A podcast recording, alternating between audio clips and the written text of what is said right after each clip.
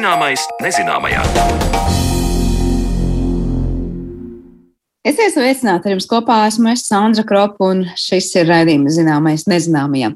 Šodien mēs tajā pievēršamies kādam vulkāna izvirdumam, kas te vai sašūpo visu planētu. Tongas vulkāna izvirdums ir neatminama mīkla daudziem vulkanologiem, taču šis tas par janvārī notikušo izvirdumu ir skaidrs. Ko tas māca cilvēcei nākotnes izvirdumu prognozēšanā un kāpēc dzīve klusā okeāna salās ir kā dzīve uz bumbas ar laikadekli, stāstīsim jau pavisam drīz, bet pirms tam iepazīsim eksotisko salu kukaiņus. Jo specifiskāki dzīves apstākļi, piemēram, alas vai vulkāniskās salas, jo lielākas prasības pret apkārtējo vidi, bet lielākas prasības rada mazākas izredzes izdzīvot klimatu pārmaiņu rezultātā. Tā runājot par salu kukaiņu dzīvi, teica entomologs Dmitrijs Teļnovs. Sarunā ar viņu uzzināsim, kas ir geogrāfiskas un kas bioloģiskas salas un kā klimata pārmaiņas ietekmē kukaiņu dzīvi salās. Salas bioloģijas kontekstā nav tikai sauszemes veidojumi, ko no visām pusēm apskalo ūdens, bet pastāv arī ekoloģiskās salas. Tas ir vides apstākļu kopa jeb biotops, ko ieskauj citi biotopi. Un tāpēc, ja runājam par kādām dzīvām radībām, kuras mīt uz salas, ir jāņem vērā arī šīs ekoloģiskās salas aspekts, kas ir ļoti būtisks tās vai citas sugas izdzīvošanā. Tā attālināti ierakstītā intervijā teica entomologs, Londonas dabas vēstures muzeja speciālists un Latvijas entomoloģijas biedrības pārstāvis Dmitrijs Teļnaus. Pieņemsim, tas ir vulkāns jūrā, kuram ir virs ūdens daļa, kas ir pēc būtības geogrāfiska sala. Uz šīs geogrāfiskas salas vulkāns ceļās augšā, nu, teiksim, pāri pa tūkstoš metru augstumā. Tātad ir līdzenuma daļa pie jūras, un tālāk, attiecīgi, sākās kalns. Ja, tas kalns ir gana augsts. Un, attiecīgi, šī kalna galotnē klimats un līdz ar to arī biotiskie apstākļi, proti, augājs un arī augsnes, un arī, piemēram, nokrišņi un temperatūra būs krāsi atšķirīgi no tiem apstākļiem, kas ir pie šīs vulkāna pakājies. Un šeit, uz šī piemēra, mēs varam saskatīt gan geogrāfisko salu, kas ir fiziski šī vulkāna daļa, kas pacelās virs jūras līmeņa, un arī ekoloģisko salu, kas būtu šī vulkāna, piemēram, augšējā daļa, kur tie bioloģiskie apstākļi atšķirās no tam, kas ir šī paša vulkāna pie jūras līmeņa. Tātad ekoloģiska sala un geogrāfiska sala. Un pēc savas būtības priekš uh, dzīvās dabas īsti lielas nozīmes nav, kas šī ir par salu. Runājot par geogrāfiskajām salām, tās aizņem aptuveni 7% no kopējās zemes virsmas, bet uz šīm geogrāfiskajām salām dzīvo vairāk nekā 20% no visas mūsu planētas bioloģiskās daudzveidības. Taču vairāk kā puse no šīm sugām ir apdraudēto sarakstā. Maz vietas, kur dzīvot, specifiskas prasības miteklim, un līdz ar to nav spēju piemēroties apstākļu maiņai. Dmitrijs Teļņovs kā piemēru min plakanu salu, kur ir viscaur vienāds biotops, un vulkānisko salu, kur dzīvotne mainās sākot no siltas piekrastes līdz kalna virsotnei, kur valda migla, vēsums un mitrums. Ja mēs apskatām, paņemsim plakano salu, tad uz šīs salas viena un tā pati suga varētu būt sastopama visur, jo biotops ir viens. Pieņemsim savānu. Un tam putnām vai sisenim vai vabolei, vienalga, kurā vietā šai salai dzīvo. Nu, kamēr cilvēks nejaucās, kamēr biotops ir, viņš ir vienāds. Ja mēs skatīsimies uz to vulkānu mūsu, tad būs tādas sugas, kas dzīvo tikai pie pašas jūras, Būs tādas sugas, kas dzīvo tikai līdzenumu mežos, un būs tādas sugas, kas dzīvo tikai augstu šī kalna pie virsotnes, ja, pavisam specifiskā biotopa, vesā un uh, slapjā klimatā. Un kā rāda mani paša pētījumi, piemēram, Jaungvinējas salā, uz ziemeļiem no Austrālijas, tad, tad pasaules otrā lielākā sala, jā, pēc Grenlandes, vai Sulavēsī tajā pašā reģionā, Visur situācija veidojas sekojoša. Runāju par vaboliem, un pat konkrēti tagad runāju par vienu vaboļu dzimtu, ložņu vaboles. Mazās nu, skudram līdzīgas vabolītes, tādu sugu, kuras augstuma gradienta būtu spējīgas apdzīvot gan lidzenumus jūras līmeņa, gan kalnus, nu, piemēram, kaut vai līdz 2000 metru augstumam. Tātad pēc maniem pētījumiem ir ne vairāk kā 10% no visām ložvabolu sugām, kas šajās salās dzīvo. Un 90% tas uh, vairākums sugu būs sadalītas. Tātad katrai no tām sugām ir sava augstuma zona, kurā tā suga ir sastopama. Šis ir ļoti svarīgs moments, jo no šejienes izriet tas, kā salās ar augstāku biotopu daudzveidību sugu būs vairāk, bet katram no šīm sugām vietas, ko viņas spēj apdzīvot, būs mazāk. Jo šī sala ir sadalīta pa dažādiem biotopu tipiem, un viena suga neapdzīvo visu pilnīgi salu, bet viņai ir tikai sava šaura josla. Piemēram, augsto kalnu sugām no 2900 metriem līdz 4000 metriem augstumā noteiktajos apstākļos tā suga spēj dzīvot. Ja viņa būtu tik plastiska, cik plastiskas ir tikai 10% no salās dzīvošiem ložņvabuļu sugām, tad viņai būtu krietni vieglāk droši vien savā dzīvē. Ja? Jo tad viņi varētu apdzīvot gan piekrasti, gan kalna virsotni. Bet tādu sugu, kā es pieminēju, ir viena desmita daļa, kas to spēj tātad kā atvilktnes ar dažādiem nodalījumiem, kur katra niša ir paredzēta konkrētam priekšmetam, un tikko šī atvilktne tiek sadrebināta, jeb minētajā gadījumā salas dzīvotne saskaras pat ar nelielām pārmaiņām, konkrētās nišas iemītnieki nespēja šīm pārmaiņām pielāgoties. Vai kā skaidro Dimitrijs Teļņovs, apakšējo plauktu iemītnieki kāpj aizvien augstāk, bet tie, kas mīt augstākajos plauktos, tiem vairs nav kur dēties. Tātad, ja mēs apskatām kādu apdraudošo faktoru, mēs varam paņemt kaut vai klimata izmaiņas. Tām sugām, kas ir augstu kalnos, kā Jaungvinēja, piemēram, ir ļoti specifiski biotopi. Tad Jaungvinēja iedomājamies, tas ir ekvators. Jā, tad pie jūras ir 30 grādi pastāvīgi, bet augstu kalnos 4000, 3000 metru augstumā ir sunu purvi, tādi kā Latvija, kudru purvi ar koku papārdēm.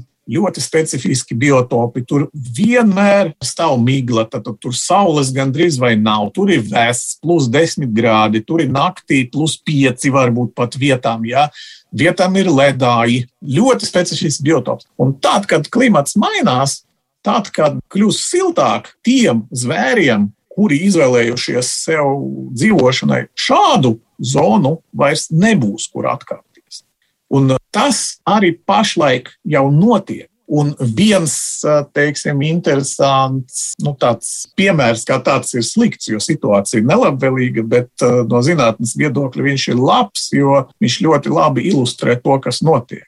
Tātad Puerto Riko salā, Karību jūrā, 20. gadsimta 70. gados eh, notika apjomīgi pētījumi par eh, biodaudzveidību un kopējo biomasu, tātad dzīvo organismu kopējo masu tieši par kukaiņiem un citiem posmkājiem, zirnekļiem, skorpioniem, ērcēm un tā tālāk pirmotnējos mežos Puerto Riku salā. 2010. gadā zinātnieki nolēma atkārtot to pašu pētījumu. Tad tie rezultāti bija vienkārši šokējoši, jo tikai viena astotā līdz vienai sestai daļai no posmkāju biomasas palika salīdzinājuma pret 1970. gadu. Tātad tas ir samazinājums, nu, rēķiniet, pa cik procentiem. Ja, tas vienkārši briesmīgs samazinājums. Un tagad zinātnieki domā un vērtē, kāpēc, kāpēc ir tā, jā, kāpēc tik briesmīgi. Un, protams, samazinoties kukaiņu skaitām, liela daļa no kuriem ir sastopama vai bija sastopama tikai Puerto Rico. Krāsi samazinājās gan kukaiņu nedēļu putnu skaits, gan ķirzaku, gan abinieku skaits, jā, jo visi atkarīgi no kukaiņiem. Zinātnieki uzskata, ka šis ir viens no tādiem izciliem piemēriem, ko nozīmē klimata izmaiņu ietekme uz salu faunu. Tātad um, laika apstākļu reģistrēšanas stacijas Puerto Riko salā sniedza zinātniekiem informāciju, ka pēdējās dekādēs, nu, kā reiz 30, 40 gadu laikā, temperatūras Puertoriko pieauga vidēji pa diviem grādiem Celsija. Un, attiecīgi, siltuma viļņi kļuvuši garāki, spēcīgāki un ietekmēja vietējas sugas. Ne tikai tas, kas dzīvo līdzinamos, bet arī diezgan nopietni ietekmē, reiz tas, kuri dzīvo augstāk kalnos, kuriem bija vajadzīga konstanta temperatūra, nedaudz vēsāka nekā pie jūras līmeņa. Protams, neviens no zinātniekiem nevar pateikt, vai tiešām tikai temperatūra, jo skaidrs, ka 40 gadu laikā varēja mainīties daudz kas, nu, piemēram, pesticīdu vai insekticīdu pielietošanas intensifikācijā un tā tālāk, bet nu, kaut kā tomēr indikācijas rāda vairāk vai mazāk tieši uz to temperatūru. Nevienmēr klimata pārmaiņas ir galvenie draudi endēmiskajām, jeb vienā specifiskā vietā dzīvojošām sugām. Pie vainas ir arī meža izstrāde, derīgo izrakteņu ieguve, dedzināšana un arī svežzemju sugas ietekmē trauslos mājiniekus. Un paradoks ir tas, Jo lielāka ir dzīvotņu daudzveidība salā, jo lielāka ir sugu daudzveidība, un jo vairāk katra suga ir piemērojusies, tā teikt, savai dzīves kārtībai. Piemēram, interesants pētījums tieši par vaboliem nesen bija par uh, Azoru salām. Azoru salās zināmas 63 endēmas vaboļu sugas, tādas, kuras sastopamas tikai Azoru salās. Un no šīm 63 sugām jau uh, septiņas ir izmirušas pilnīgi šādu vai tādu iemeslu dēļ. Tātad tas vaboļu sugas, kuras ir sastopamas vairāk kā viena no šī arhipelāga salām, izdzīvo līdz šim labāk nekā tas sugas, kuras bija zināmas vai paliek zināmas tikai no vienas salas. Tātad no tām septiņām sugām, kuras ir pilnīgi izmirušās, faktiski eh, visas ir bijušas vienas kādas konkrētas salas endēmi.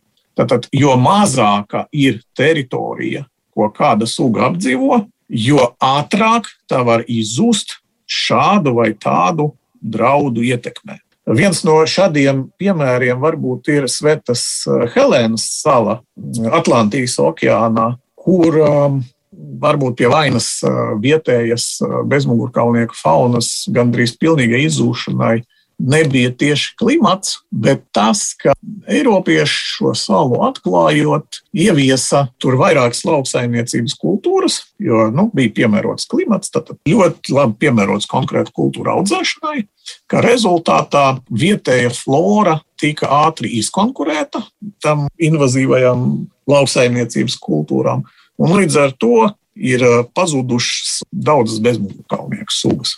Un tieši par uh, šīs salas faunas izmaiņām varu liecināt arī es pats. Tātad Svetas Helēnas salā ir zināmas divas ložņu aboļu sugas. No ģins antikodes, un šī ģins ir sastopams tikai šai salā. Tad gan abas sugas, gan ģins, kurai tas ir pieskaitīts, ir šīs salas endēmi. Ja viena suga no divām vēl ir, ja tā var teikt, ķerama, pēdējo desmit gadu laikā bija mums no Londonas dabas muzeja divas ekspedīcijas uz šo salu, un vienu no šīm divām sugām mums ir izdevies noķert pie tām vairākas vietas. Tad otru sugu pēdējās trīs jau desmit gadēs neviens Svets Helēnas salā nav ķēris.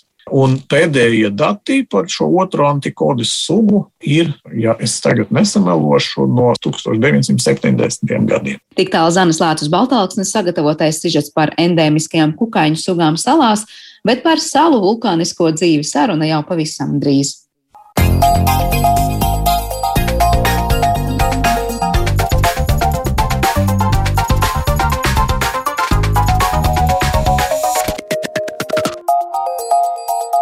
Zināmais nezināmajā. Vulkāns, kas satricināja teju visu pasauli, šī gada janvārī Tongas karalistē izvirda dusošs milzis, kas sūtīja triecienviļņus visai pasaulē un gan spēcīgs, lai tos fiksētu pat šeit, Baltijā.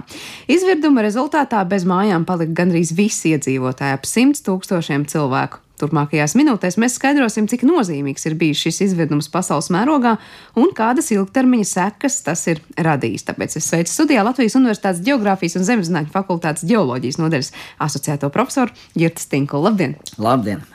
Kur tā atrodas un, un kas ir šī salu grupas izcelsme? Tā var teikt, lai mēs varam runāt par vulkānisku aktivitāti šajā reģionā.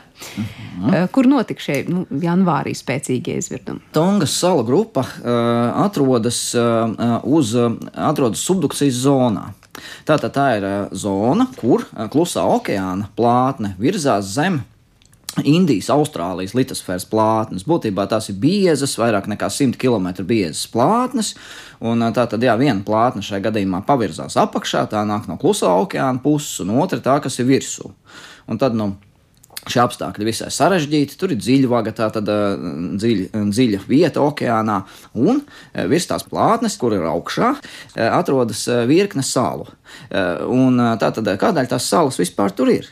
Tas ir pateicoties vulkānismam, kas tur darbojas pastāvīgi, jo situācija ir tāda, ka šī pagrimstošā plātne, kas nirst apakšā zem šīs augšā esošās, kūst. Un kušana pātrina nogulumos un iežos esošais ūdens. Līdz ar to šādos apstākļos magma veidojas ātrāk nekā, piemēram, sausos iežos, un tad šāda magmas zona virzās uz augšu un kaut kur zem šī virstošā katla, kas ir pazemē, kas ir šis magmas rezervārs rezervārs, augšā atrodas vulkāns, kas ir tāds izējas punkts būtībā. Bet vulkāns šajā brīdī joprojām ir zem ūdens. Mēs runājam par zemūdens vulkānu. Šis vulkāns vispār ir specifisks. Būtībā mēs runājam šobrīd par vulkānu, kā tik pareizi atceros nosaukumu, Hunga Tonga, Hunga Hāpai.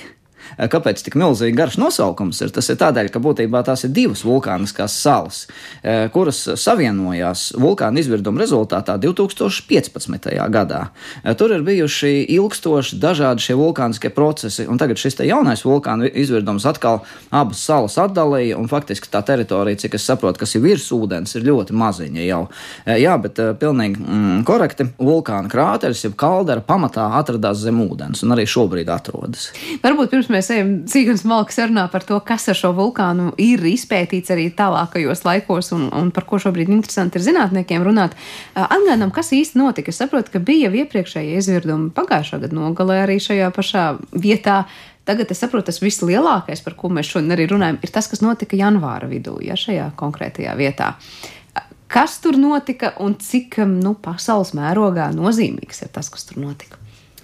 Jā, šis Tongas vulkāns, līdzīgi daudziem vulkāniem mūsdienu pasaulē, starp 1000 un 2000, tie ir aktīvi. Aktivitāte parasti nav tā kā nepārtraukta. Tas brīžam ir tiešām tas vulkāns izvirst, brīžam tas ir kā snaudošs, dusošs, bet nekas jau nav beidzies. Karsta magma ir pazemē, un kā pieaug spiediens, pieaug gāzu daudzums šajā magmā, tad tas vulkāns var var teikt, nu, izšaut, izsprāgt ja, vai izlīt lāva. Un šajā gadījumā nu, tie notikumi ir bijuši daudz, bet tādi spilgtākie bijuši 2009. gadā, 2015. gadā, un tad 2021. gada nogalē tik tiešām kaut kas tur sāka rosīties, bija jau tādi mazāki izvirdumi, nāca dūmi ārā, un 2000. 22. gada, jau 14. un 15. janvārī notika šis lielais izvirdums. Tātad nu, šis pats galvenais šķiet 15. janvārī. Tad var teikt, visi tie iepriekšējie notikumi pakāpeniski veda uz to, un mēs varam gaidīt šobrīd, ka vēl kaut kas tur tuvākajā laikā notiks, vai uz kaut kādu, nu nezinu, cik prognozējumu laika limitu šobrīd ir iestājies nosacīts miers tur. To, diemžēl, ir grūti pateikt. Gribētos jau, ka tas vulkāns būtu aprimis uz ilgāku laiku, bet, nu, diemžēl, prognozes ir dažādas. Katrā ziņā, ka var gaidīt atkal briesmas. Uh, nu, varētu teikt, ka šis izvidums brieda kopš 2021. gada beigām. Var uzskatīt, ka tas ir tāds vienots notikums. Uh, tieši šodien izlasīju publikācijas par šo tēmu, jā, ka zinātnieki nav viensprātis, kas tur tālāk ir sagaidāms, un tiešām šos notikumus ir ļoti grūti prognozēt, jo magmas rezervāri pazemē precīzi šos fizikālos fiziskālos apstākļus, kas tur valda, ļoti grūti noskaidrot, bet nu, katrā ziņā eh, noteikti cilvēki tur nevar būt vēl mierīgi. Cik lielā mērā līdz šim janvārim patiesībā bija tāds precīzs prognozes un kaut kādas nu, iespējas cilvēkiem, kas tur tuvāk apkārtnē ir laikus evakuēties vai kā citādāk sevi pasargāt? Vai tomēr tas, kas notika 15. un 14. janvārī, bija pārsteigums?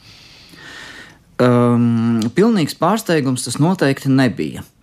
Es visu informāciju noteikti nezinu par šo tēmu, bet vispār šajā apgabalā tādas ļoti precīzas vulkāna prognozes nestrādā. Es domāju, ka tur ir tā situācija sliktāka nekā, piemēram, Japānā, Filipīnās, kaut kur, nu, kur tomēr ir tie pētījumi pamatīgāk risinās. Tā kā Nu, ja tā plaši runā, tad šajās salās vispār nevajadzētu dzīvot cilvēkiem. Nu, tas tās ir pietiekoši jā, vulkāniski aktīvas un bīstamas vietas. Tās ir bīstamas vietas. Cilvēki uh, dzīvo burtiski tā kā uz pulveru mūces, dabiskas tādas. Un, nu, bet, protams, ir uh, cilvēki iedzīvojušies tur un tur ir viņu valsts un viņu zeme un kaut kā, nu, Tā tas ir.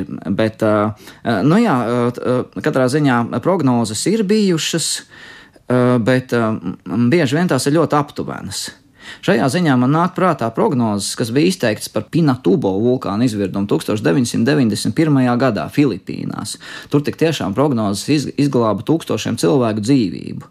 Vulkanologi, nu, protams, tas ir tā ļoti prognozēt vulkānu izvirdumu, var kļūdīties, un, un arī varas iestādes šajā gadījumā, kā, kā reaģēt, ja, vai, nu, vai uztvert nopietni šos vulkanologu paziņojumus. Un, un tas viss ir tāds vesels komplekss, bet šoreiz viss nostrādāja pareizi, un arī varas iestādes bija pietiekami drosmīgas, lai ņemtu to vērā, lai evakuētu cilvēkus. Jo beigās jau viņus var teikt, var uzskatīt par muļķiem, ja nekas nav bijis. Ja? Bet tas viss bija tomēr un nu, tiešām izglābt cilvēku dzīvības. Nu, šoreiz, diemžēl, tas tā nav bijis, bet nu, pa laimi upuru skaits šķiet nav pārāk liels. Tas, laikam, tā paša novietojuma dēļ, kur cilvēki reāli atradās tajā brīdī. Vai citu vulkānu nu, klāstā, ja tā var teikt, šis ir tāds ar kaut ko īpašu un nu, uzskatāms par vienu no tur, nezinu, bīstamākajiem vai neprognozējumākajiem vai kā citādāk. Vai tomēr nu, tas tāds ierindas, ja tā var teikt, vienkārši vulkāns, kas neko īpašāks par citiem nebūtu? Nu, jāsaka, ka laikam šis ir diezgan vulkāns parastais. Mm -hmm. vulkāns iedala dažādos veidos, pamatā balstoties uz magmas veidu un uz pašu līdz ar to izvirdumu veidu. Ir tā, ka tās augtās bāziskās, jeb mafiskās magmas ir šķidras, ļoti karstas, un tās galvenokārt izlauž zemes virspusē lavas plūsmu veidā, tā kā Havaju salās, tā kā Islandē. Plājas ir vairogu tipu vulkānisms, mm, bet parādoties, nu, principā, principā šai magmai mainoties pēc sastāva, kļūstot, kļūstot tā kā skābai, jeb felziskai, tā kļūst arī biezāka, tajā ir vairāk gāzu. Līdz ar to tā, tā krājas šajos rezervāros, tā kā korķi veido, un kad šis korķis izsprāgs, tad ir eksplozija. Principā mainās lavas izplūdes ar šīm eksplozijām. Līdz ar to vulkānā konus ir tāds slānisks. Lava, eksplozija veidoja makāla lava, un vulkānu sauc par stratovulkānu. Tāda ir lielākā daļa vulkānu pasaulē. Nu, arī šis šis eh, šķiet ir stratovulkāns. Eh, pēc izvietojuma arī diezgan tipisks eh, vulkāns veidojās dažādos šajos te tektoniskajos apstākļos, bet šis ir tiešām tāds raksturīgs, jo tas atrodas subdukcijas zonā, kur šī viena plātne virzās apakšā, otra ir virsū. Tāds ir viss klusā okeāna ugunsloks. Un, principā, pat ja tā raugās kartē, tad Tongas salas ir klusā okeāna ugunsloka galējā dienvidrietumu malā. Tā kā var teikt, atrašanās vieta un vispārējais liktos, nu, ko tur jaunu mēs un pārsteidzoši varam gaidīt no tā, ko sagaidījām. Un tomēr es saprotu, ka uh, šis vulkāns zinātniekiem ir sava veida mīkla tomēr ar to, kādas sekas tas radīja. Jo pats izvirdums laikam ilga 11 stundas, kas tāda vulkāna izvirduma gadījumā nav nemaz tik daudz, ja es saprotu. Jā, It kā no vienas puses tas izvirdums būtu diezgan parasts, bet uh, ir dažas īpatnējas lietas, kur tiešām zinātnieki vēl pilnībā nav atraduši atbildi, pētīs noteikti to gadiem ilgi, lai patiesībā to procesu saprastu. Un tas pirmais interesantais moments ir tāds, ka izvirdums notika dažu simtu metru dziļumā ūdenī. Tas ir sekli vai dziļi? Tas ir vidēji, un tur ir tas uh, interesantais stāsts, uh, ka, nu, ja ūdens būtu ļoti sekls, tad izvirduma gaitā to vispār nejustu. Ja vulkāna izvirdums būtu kilometru dziļumā, eh, tad eh, visticamāk virspusē tas nekā nebūtu jūtams. Ja nu vienīgi uzpeldētu virspusē kādi vulkāniskie materiāli, pieņemsim, pūmeks, tie tādi poraini ieži, kas citkārt ir vienkārši uzpeldējuši virs šī izvirduma. Mm, bet šajā gadījumā ūdenim bija ļoti liela loma pašā izvirduma procesā, jo karstā uh, lava ceļoties augšā, arī nu, būtībā eksplozija. Tā tad uh, lava, tas sprādzienu produkti, gāzes, tas viss saskarās ar ūdeni, un ūdens šo procesu būtībā ir mm, vēl ierosinājis un pātrinājis, jo šis te vidēji lielais ūdens daudzums pārvēršas pat vaiku. Tas ir tieši tik daudz, lai šī ūdens masa varētu pārvērsties pat vaiku, un, protams, līdz ar to izvirdums izpaužas arī zemes virspusē. Tas ir tāds kā būsters, pat varētu teikt, pātrinātais tam procesam. Līdz ar to šis moments ir ļoti interesants, bet, nu, tomēr ūdens nav noteicošais process šajā izvirdumā. Noteikti nē, pati magma tās bija daudz, šo izvirdumu produktu bija daudz tik tiešām tā visā. Un kas vēl tur ir interesanti?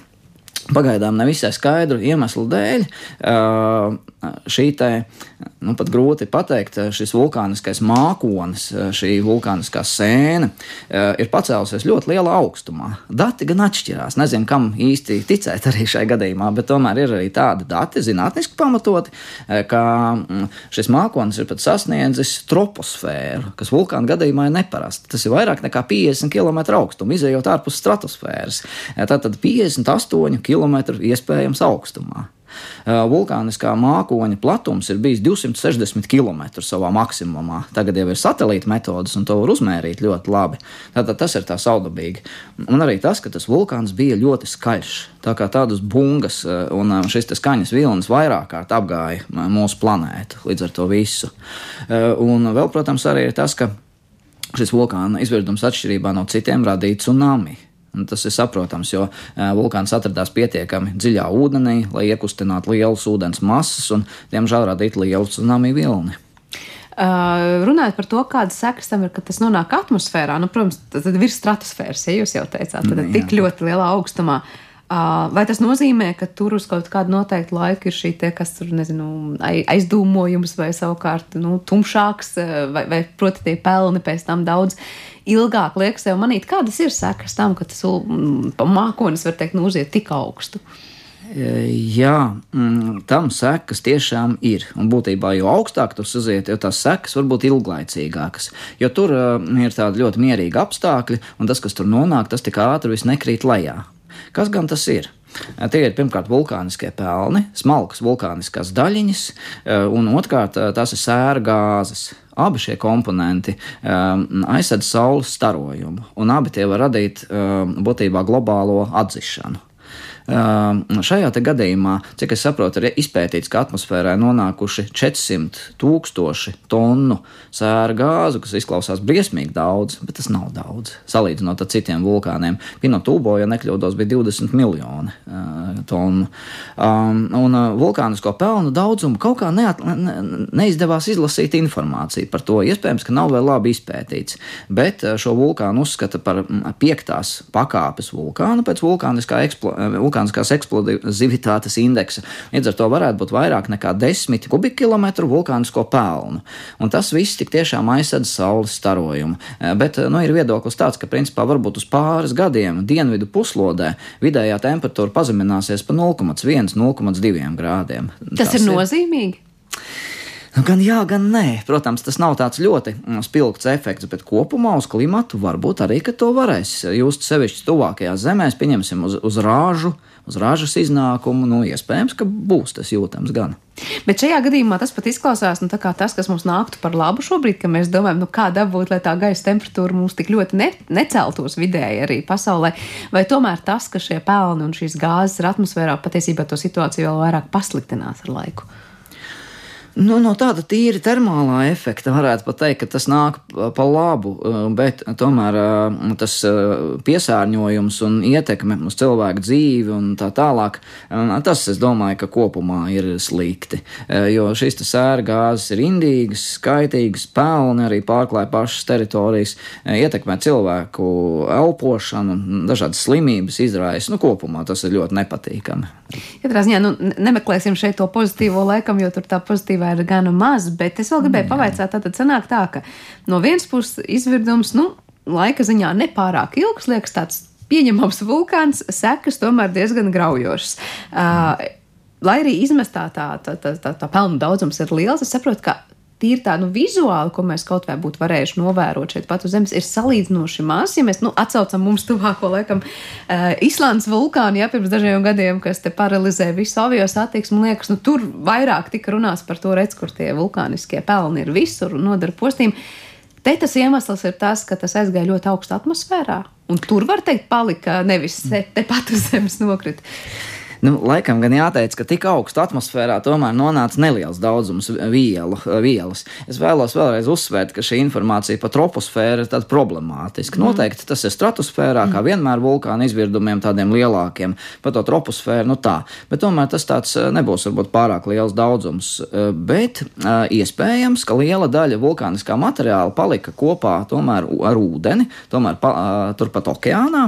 Un otrs ir tas, ka tomēr šīs te teritorijas, nu tas ir okeāns okeāns būtībā. Mēs vienkārši un, to neredzam. Jā? jā, jā, mēs to nejūtam. Ja tās teritorijas būtu plaši apdzīvotas, protams, tie pelni pārklāti plašas teritorijas, varētu pelnu biezumu noteikt arī, bet šajā gadījumā, nu, nu okeānā tas, tas viss arī palika lielā nu, mērā. Nu, lai gan jāsaka, apdzīvoto vietu gadījumā no vismaz augšas satelīta dati šie tie bija, kas rādīja, ka tur pirms un pēc Tongas pašu šo te apdzīvoto vietu skatoties bija vizuāli redzams, ka pelni tomēr tur ir daudz. Un, un pamatīgi. Ja? Jā, Ko jā. okeānam nozīmē šādu pelnu daudzums uh, ūdenī? Tad atkal uh, citas kaut kādus procesus mums palaiž. Tas ir interesants jautājums. Pat grūti būs atbildēt, kā tas izpaužās principā. Eh, bet eh, jāteic, ka okeānos kopumā nogulu uzkrāšanās ir ļoti, ļoti lēna. Un šis vulkāniskais materiāls būs jūtams. Noteikti tas veidos slāni. Cik biezu man ir tagad grūti pateikt. Arī tad jāpalasa informācija, jāpaskatās. Noteikti notiek arī pētījumi. Bet katrā ziņā šis vulkāns būs atstājis pēdas okeānā. Es domāju, ka tas mm, okeāna ūdens masa ir milzīga. Es domāju, ka šis materiāls vienkārši lēni nogulsnēsies un neatstās nekādu radikālu iespēju uz, uz organismiem tur. Bet jā, noteikti pēc kaut kādiem gadiem, pieņemsim, veicot okeānu urpšanu, atradīs un varēs teikt, ah, šis noteikti ir Tongas vulkāna izvirdums lānis. Un to nesajauks ar neko citu. Jā. Visticamāk, nē, jo katram vulkānam ir savs rokraksts, savs ķīmiskais sastāvs šiet, šiem te iežiem, varbūt kaut kādi savi ieslēgumi. Būtībā ģeologiem tie ir ļoti, ļoti vērtīgi marķieri. Arī runājot par senajiem vulkāniem, piemēram, mums ir Ordovika un Silūra nogulumiežos vulkānisko pelnu kārtiņas. Tas ir no 5 500 līdz 450 miljonu gadu seniem notikumiem, kas palīdz eh, tad atpazīt, ah, tas bija tas konkrētais vulkāns un tas bija cits. Šos slāņus var savā starpā salīdzināt, korelēt. Jā, tā kā es domāju, ka vulkanologiem un geologiem būs gana daudz darba vēl tuvākajā un tālākajā nākotnē, skatoties arī šī konkrētā vulkāna rokrakstu, kā jūs tikko teicāt. Bet es vēl gribēju izmantot iespēju parunāt par šiem zemūdens vulkāniem, jo šis ir tāds, nu, tiešām viens no piemēriem, kas liek par to domāt. Jūs teicāt, še, šis ir tāds nu, vidēji dziļš vulkāns. Mm -hmm. Pārsvarā, ja mēs runājam par zemūdens vulkāniem, mums vairāk ir to pavisam dziļo, pavisam seklo vai tādu kā šīs tāds pa vidu. Un tad jautājums, vai tie, kas savukārt atrodas tādā vidējā slānī, mums ir daudz bīstamu apkārt. Tas man diezgan grūts jautājums būs, eh, bet eh, principā nu, ir gan tādi, gan tādi. Es domāju, ka tur ir daudz un dažādas variācijas. Eh, ņemot vērā gluži vienkārši okeāna dziļumu, kāds tas ir, es domāju, ka lielākā daļa izvirdumu tomēr notiek zem ūdens. Jo tur, nu, tomēr, ja mēs tā ņemam, cik, cik dziļš ir okeāns, tie ir kaut kādi 4 km līdz 6 km, arī vairāk. Un cik augsts šīs vulkāniskās salas, nu, tomēr līdz kilometram un vairāk no retā no tām ir. Tad vairāk tas viss tomēr būs zem ūdens. Bet ir spilgti vulkānisko salu piemēri, kur salas ir tiešām lielas. Un viens no klasiskiem piemēriem ir Havaju salas. Šajā gadījumā tās ir atšķirīgas nekā Tongas vulkāns, jo Havaju salas atrodas virs mantijas karstā punkta. Tas ir eh, īpatnējs tāds veidojums, kas arī, eh, kuri nav varbūt pārāk labi pētīti, jo kaut kāda iemesla dēļ siltuma plūsma paceļas tā gandrīz vai punktveida. Un tad eh, būtībā ņemot vērā to, ka litosfēras plātne virzās pāri šai vietai, tas punkts visu laiku ir karsts un visu laiku tur tā magma veidojās. Bet tad... tas ir kaut kur dziļi zemē, ja zem Havaju salas. Jā, jā, jā tas, tas, Jā, pilnīgi, pilnīgi pareizi. Jā, tas ir dziļi. Bet no šīs vulkāniskās izpausmes, protams, jā, tās sākās kaut kur oke, zem okeāna ūdens, bet tad tā sala aug un aug un aug un aug un kļūst pavisam liela. Un tur tāds interesants moments, tā kā plātne virzās prom, tad vecākās Havaju salas, kas kādreiz bija vulkāni, atrodas rietumu, ziemeļrietumu galā šai ķēdei. Tās ir zemes un daļa ir zem ūdens. Bet tad šī tā. Mm, Galvenā uh, Havaju sala tā šobrīd atrodas virs ūdens, tur ir šis Mauna Loa, arī Mauna Kea uh, vulkāns.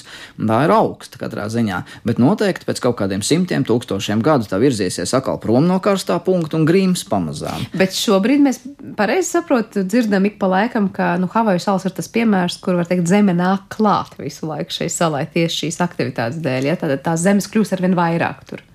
Jā, tā tas ir, bet tikai tas ir līdz kaut kādam noteiktam laikam. Nu, jā, tās ir šīs tipiskās vulkāniskās salas, eh, kas ir okeānā. Eh, jo jā, tas konus tik tiešām ir izveidojies eh, tieši vulkāna izvirduma rezultātā. Starp citu, Mauna Loa šobrīd ir laikam lielākais pēc platības vulkāns pasaulē. Tas ir vairogu tipa vulkāns.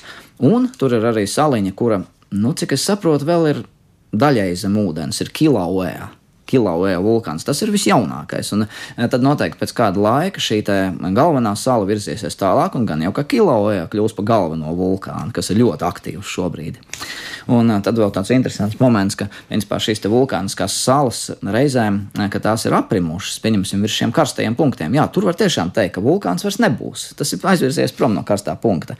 Tad siltā klimatā, tropiskajās jūrās, to sāk apdzīvot korāļi un veidojas atoli. Ļoti tāda interesanta simbioze starp šo magmatismu, starp šo varano vulkānu dabu un starp organismiem, kuri tur iemitinās. Un tad tā doma ir tāda, ka tā sala grimst tīri no sava svara, iegremdē litosfēru, jo tā vairs neaug klāt. Un šajā vietā to var ļoti labi kompensēt korāļi, jo korāļi ir visātrāk augošie no visiem, teiksim, kalcija, karbonātu ģenerējošiem organismiem, un tie rada vertikālu būvi, aug pretī. Viņiem tas ļoti patīk. Viņiem ir uzkrāšanās telpa, kur augt, tad tā sala grimst, bet korāls aug. Korāls tad... ceļ, kā saka, salu atpakaļ. Bet, nu, savukārt par atolu salām mēs bieži dzirdam, ka dažādas šīs ar klimatu saistītās izmaiņas liks celties ūdens līmenim, un tieši šīs atolu salas ir tās apdraudētākās no tā, ka tas ūdens līmenis celsies, un korāļi var nepaspēt tās uzbūvēt. Plus vēl, protams, tas, kas apdraud pašus korāļus klimata kontekstā. Jā. Tur ir, cik es saprotu, tāda situācija. Protams, ir eh, ļoti grūti prognozēt, ar kādu ātrumu tad tieši celsies tas ūdens līmenis, bet korāļi ir spējīgi izaudzēt savu rifu ar ātrumu 13 metru tūkstotī gadu. Eh, ja 1,3 mm gada laikā, un tas ir daudz, principā, eh, vairumā gadījumā tie būs spējīgi tomēr kompensēt ūdens līmeņa celšanos. Eh, bet tur ir tāds viens bet, ja šie atoli ir tādi mazapdzīvoti un cilvēki nu, vienkārši tur dzīvo un tā, un ļauj tiem korāļiem arī dzīvot, tad viss varētu būt kārtībā. Bet tie atoli, kur, protams, ir tehnogēni izmainīti, kur ir lidlauki un viesnīcas un tā tālāk, un tur tā situācija varētu gan būt citādāk, jo tur tie korāļi jau var sakt aktīvi neaug. Un, nu, diemžēl, jā, tad ūdens līmeņa celšanās varētu tur postu darīt. Ja mēs atgriežamies pie Tongas vulkāna, tad šajā gadījumā tur notiek šis pretējais process. Ja, kā jūs teicāt, tur pēc šī vulkāna izvirduma patiesībā zemes ir kļuvis vēl mazāk. Ja, tur ir tā kā atdalīšanās, nošķiršanās vērojama. Jā, tā tas ir. Es tā precīzi nepateikšu, kā tur tagad izskatās un kā tur šīs daļas var saukt. Bet jā, Šis brīdis, kopš tā 2009. gada, ir tas, kur tās zemes tiešām ir vismazāk. Pēc tā 2015. gada tur bija visvairāk. Redzēju arī fotoattēlus, kā, kā tur tas izskatās. Tiešām ir šī te, um, Hunga Tonga un uh, Hunga Hāpai. Šīs divas saliņas bija, un tas starp tām izveidojās diezgan liels vulkāns, tas savienojot. Principā. Es domāju, ka šī teritorija noteikti nu, nav apdzīvojama, tur pat bīstami pārvietoties, bet jā, no laika tā zeme varētu nostabilizēties un kļūt par lielāku salu, bet nu nekādiem žēl, jā, atkal vulkāns. Jā, vulkāns par sevi liek manīt un ir līdz pamatīgi manīt. Es vēl gribēju vaicāt, kas ir tas, ko zinātnieki vēl mēģinās saprast un vēl mēģina saprast par konkrētu šo gadījumu, vai ir kaut kas nu, tāds fundamentāli jauns, kas nācis klāt no zināšanām? Hmm. Uh, nu, pirmkārt, varbūt to, kas tad ir nācis klāt tik tiešām. Eh, es domāju, ka ir nākušas klāt šīs zināšanas par ūdens lomu tajā visā procesā. Būtībā tur jau ir tādi interesanti rezultāti, ko es daļēji centos izklāstīt. Tas bija tātad līdz šim nezināms nu, eh, tāds process, jā? Jā, ka tik dziļā ūdenī tik tiešām tas process notiek tieši tā. Tas ir tāds jaunums. Tad mm, nu, par šo te vulkāniskā mākoņa sēnes pacelšanos tādā lielā augstumā noteikti par to būs pētījumi. Noteikti būs pētījumi pētījumi arī par, eh, par, eh, par izvirduma produktu specifiku. Un šo miedarbību ar ūdeni, tomēr nu, kaut kāda daļa ir skaidrs, bet, bet kaut kādā ziņā nē. Noteikti tur būs daudz zinātnisko rakstu arī. arī par šo tēmu. Um, nu, es domāju, ka pētījumi tāpat arī būs par šādu veidu vulkānu ietekmi uz tsunami veidošanos, jo tas jau ir uh, praktiski ļoti svarīgi. Tas ir bīstami, līdz ar to tas var prognozes precizēt tomēr. Tā kā nu. prognozēt, varbūt nākotnē varētu kļūt nu, vieglāk, vai es nezinu, precīzākas prognozes iespējams veidot, tāpēc, ka tagad ir kādi vēl fakti, kas ir nākuši klāt un zināšanas, kas nākušas klāt. Noteikti. Katrs šāds notikums mūsdienu zinātnes attīstības laikā ir vērtīgs. Nu, tas, protams, ir traģisks uz vietas, un, nu, jā, ir, ir slikti, bet ilglaicīgi zinātnē tas noteikti nāks pa labu, lai varētu prognozēt varbūt līdzīgus notikumus precīzāk. Starp citu, jā, ir arī Jautājums, protams, par seismiskumu šajā teritorijā. Vai tā ir zemestrīce, eh, vai, vai, vai kaut kas tāds ir noticis? Jā, šajā gadījumā, protams, ka vulkāna izvirdums ir arī satricinājums, šī ir eksplozija, un šobrīd vērtē, ka uh, tas zemestrīces stiprums ir bijis magnet, ar magnitūdu 5,8. Uh, nu, tas ir, mēs varam salīdzināt. Latvijā stiprākās zemestrīces, kādas ir bijušas un kādas prognozē, ir, 4, ir magnitūda 4,8. Ehm, šī zemestrīce ir desmit reizes stiprāka. Attiecīgi, tā magnitūda palielinās pa vienu vienību, tas stiprums pieaug desmit reizes. Pasaules stiprākā zemestrīce, kāda reģistrēta, šausmīgi 9,4, magnitūda 9,4 bija laikam Čīlē. Maļaskā arī. Un tad līdz ar to tas vēlreiz liek teikt, ka šis ir tās nu, vidējais rādītājs, jā, arī tajā seismiskuma pakāpes eh, kontekstā. Arī, jā, lai gan šīs ar vulkāniem saistītās zemestrīces parasti nav tik stipras kā tādas, nu, var teikt, tīras, kas ir tikai zemestrīce. Uh, no vienas puses, protams, seismiskums ir ļoti labs uh, kritērijs, kas ļauj noprognozēt uh, tuvojošos vulkāna mm, izvirdumu. Jo tas uh, vulkāns tā kā uzbriest, zeme trīc tur, un šis seismiskums sāk palielināties. Tas pats bija arī Kanārijas salās, kad izvirda vulkāns. Arī ļoti labi bija redzams, kur tās zemestrīces attīstās un, un tā. Tad tās ir tās lietas, ko pēc tam mēs varam redzēt, bet es noslēdzot šo sarunu gribēju vēl vaicāt, vai nu, šīs konkrētas salas vai nu, līdzīgās eh, vietās esošas, līdzīgos apstākļos esošas salas ir gatavs šādu mēroga notikumiem, vai tas ir kaut kas, ko nekad nevarēs, eh, nu, kā teikt, pienācīgi sagatavot cilvēkus? Mm, jā, nu, atkal var atbildēt, jā, un nē. Uh, visi, protams, to zina, ka šī vide ir nemierīga. Uh, tas tā ir. Uh, līdz ar to, ka kopumā var draudēt vulkāna izvirdam, diemžēl, jā, visi zina, kad tas notiks. Prognozes tomēr ir ļoti aptuvenas. Uh, Es teiktu tā, ka mm, zināmā mērā veiksme var, eh, var, var, to progno, var ļaut to prognozi izdarīt precīzāk. Ir sakrīt dažādi dati. Piemēram, tiešām šis seismiskums pieaug. Ir dati no satelīta, kas liecina par vulkānu, var teikt, uzbriešanu. Ir pazemes ūdeņu sastāvu rādītāji, kas par to liecina. Tad tā diezgan viennozīmīgi ir. Bet, eh, nu, es domāju, sevišķi šādās vientuļās vulkāniskajās saliņās, kur trūkst monitoringa, nu, tas vienmēr būs tāds pēkšņi. Diezgan... Bet uh, vulkānu uzbriešana būs redzama redzam no satelītiem, arī tad, ja mēs runājam par zemūdens vulkāniem, tur tās izmaiņas kaut kādas būs saskatāmas. Mm, atkal, tas ir ļoti labs jautājums. es domāju, ka diezgan grūti, bet nu, mūsdienu tehnoloģijas var jau būt tomēr kaut vai pēc kaut kādām mm, nu, jā, krāsas izmaiņām. Es Nu, nes, es domāju, ka vēl nē. Varbūt, jā, visticamāk, ka nē, bet nu, kaut vai, ja tiktu skaidrībā ar tiem vulkāniem, kas nav zem zemes, jā, tad, tad ar tiem jau mēs ļoti palīdzētu cilvēcei. E, noslēdzot šo sarunu, vai ir kāda šobrīd vieta, kas ir tāda no nu, uzmanības centrā? Šobrīd skatāmies, kas tur notiks, ņemot vērā to, kas ir bijis Tongā, tikko, es nezinu, dziļumu, attālumu un vulkānu tipu un vispārējo, vai nav tādas konkrētas geogrāfiskas vietas, kam šobrīd ir pievērsta pastiprināta uzmanība?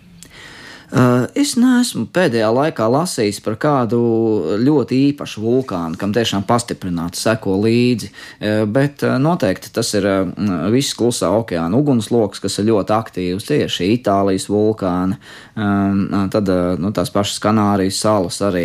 Nu, un, protams, nedrīkst aizmirst arī par snaudošajiem milžiem, par tādiem kā Yellowstone vai vēl kādi citi, varbūt arī vulkāni. Jā, par tiem tas... mēs bieži arī šeit esam runājuši, un vienmēr tas secinājums ir tāds, ka nu īsti īsti jau neko pateikt ļoti laikus nevarētu arī šajos gadījumos. Jo, ja tur būtu šis izvirdums, nu, tur būtu diezgan, mm. diezgan bēdīgs iznākums. Nu, jā, bet, bet tādēļ nu, pilnīgi noteikti pētījumi ir jāturpina, un vulkanologi pasaulē jau izstrādā aizvien jaunas tehnoloģijas, un tomēr tās prognozes solīti pa solītim iet uz priekšu. Nu, lai, nu, pavisam tā, ka neko nezinām, mēs nevarētu teikt par vulkānu prognozēšanu, tā kā tik traki nav. Un, protams, kā jūs arī minējāt, šādi notikumi patiesībā pienes klāt ar vien jaunu ziņas, no kā tālāk tos prognozes modeļus un daudz ko citas scenārijas arī veidot. Paldies Jā. jums par šo sarunu un to, ka viesāt nelielu skaidrību tajā, kas tad īsti notika šajā interesantajā vulkānā un tajā, kas pēc tam ap to radās. Latvijas Universitātes Geogrāfijas un Zemeszinātņu fakultātes ģeoloģijas nodaļas asociētais profesors Girts Stinkuls šodien viesojās mūsu raidījuma studijā. Ar to arī raidījums ir izskanējis un teikšu paldies par to producentē Paulai Gulbinskai. Norēmīts papai, ka šajā stundā bija pie skaņu pults un mūzikas redaktoram Girtam Bišam. Savukārt es Sandra Kropnēms atvedos un tiekamies jau atkal rīt. Visu labu!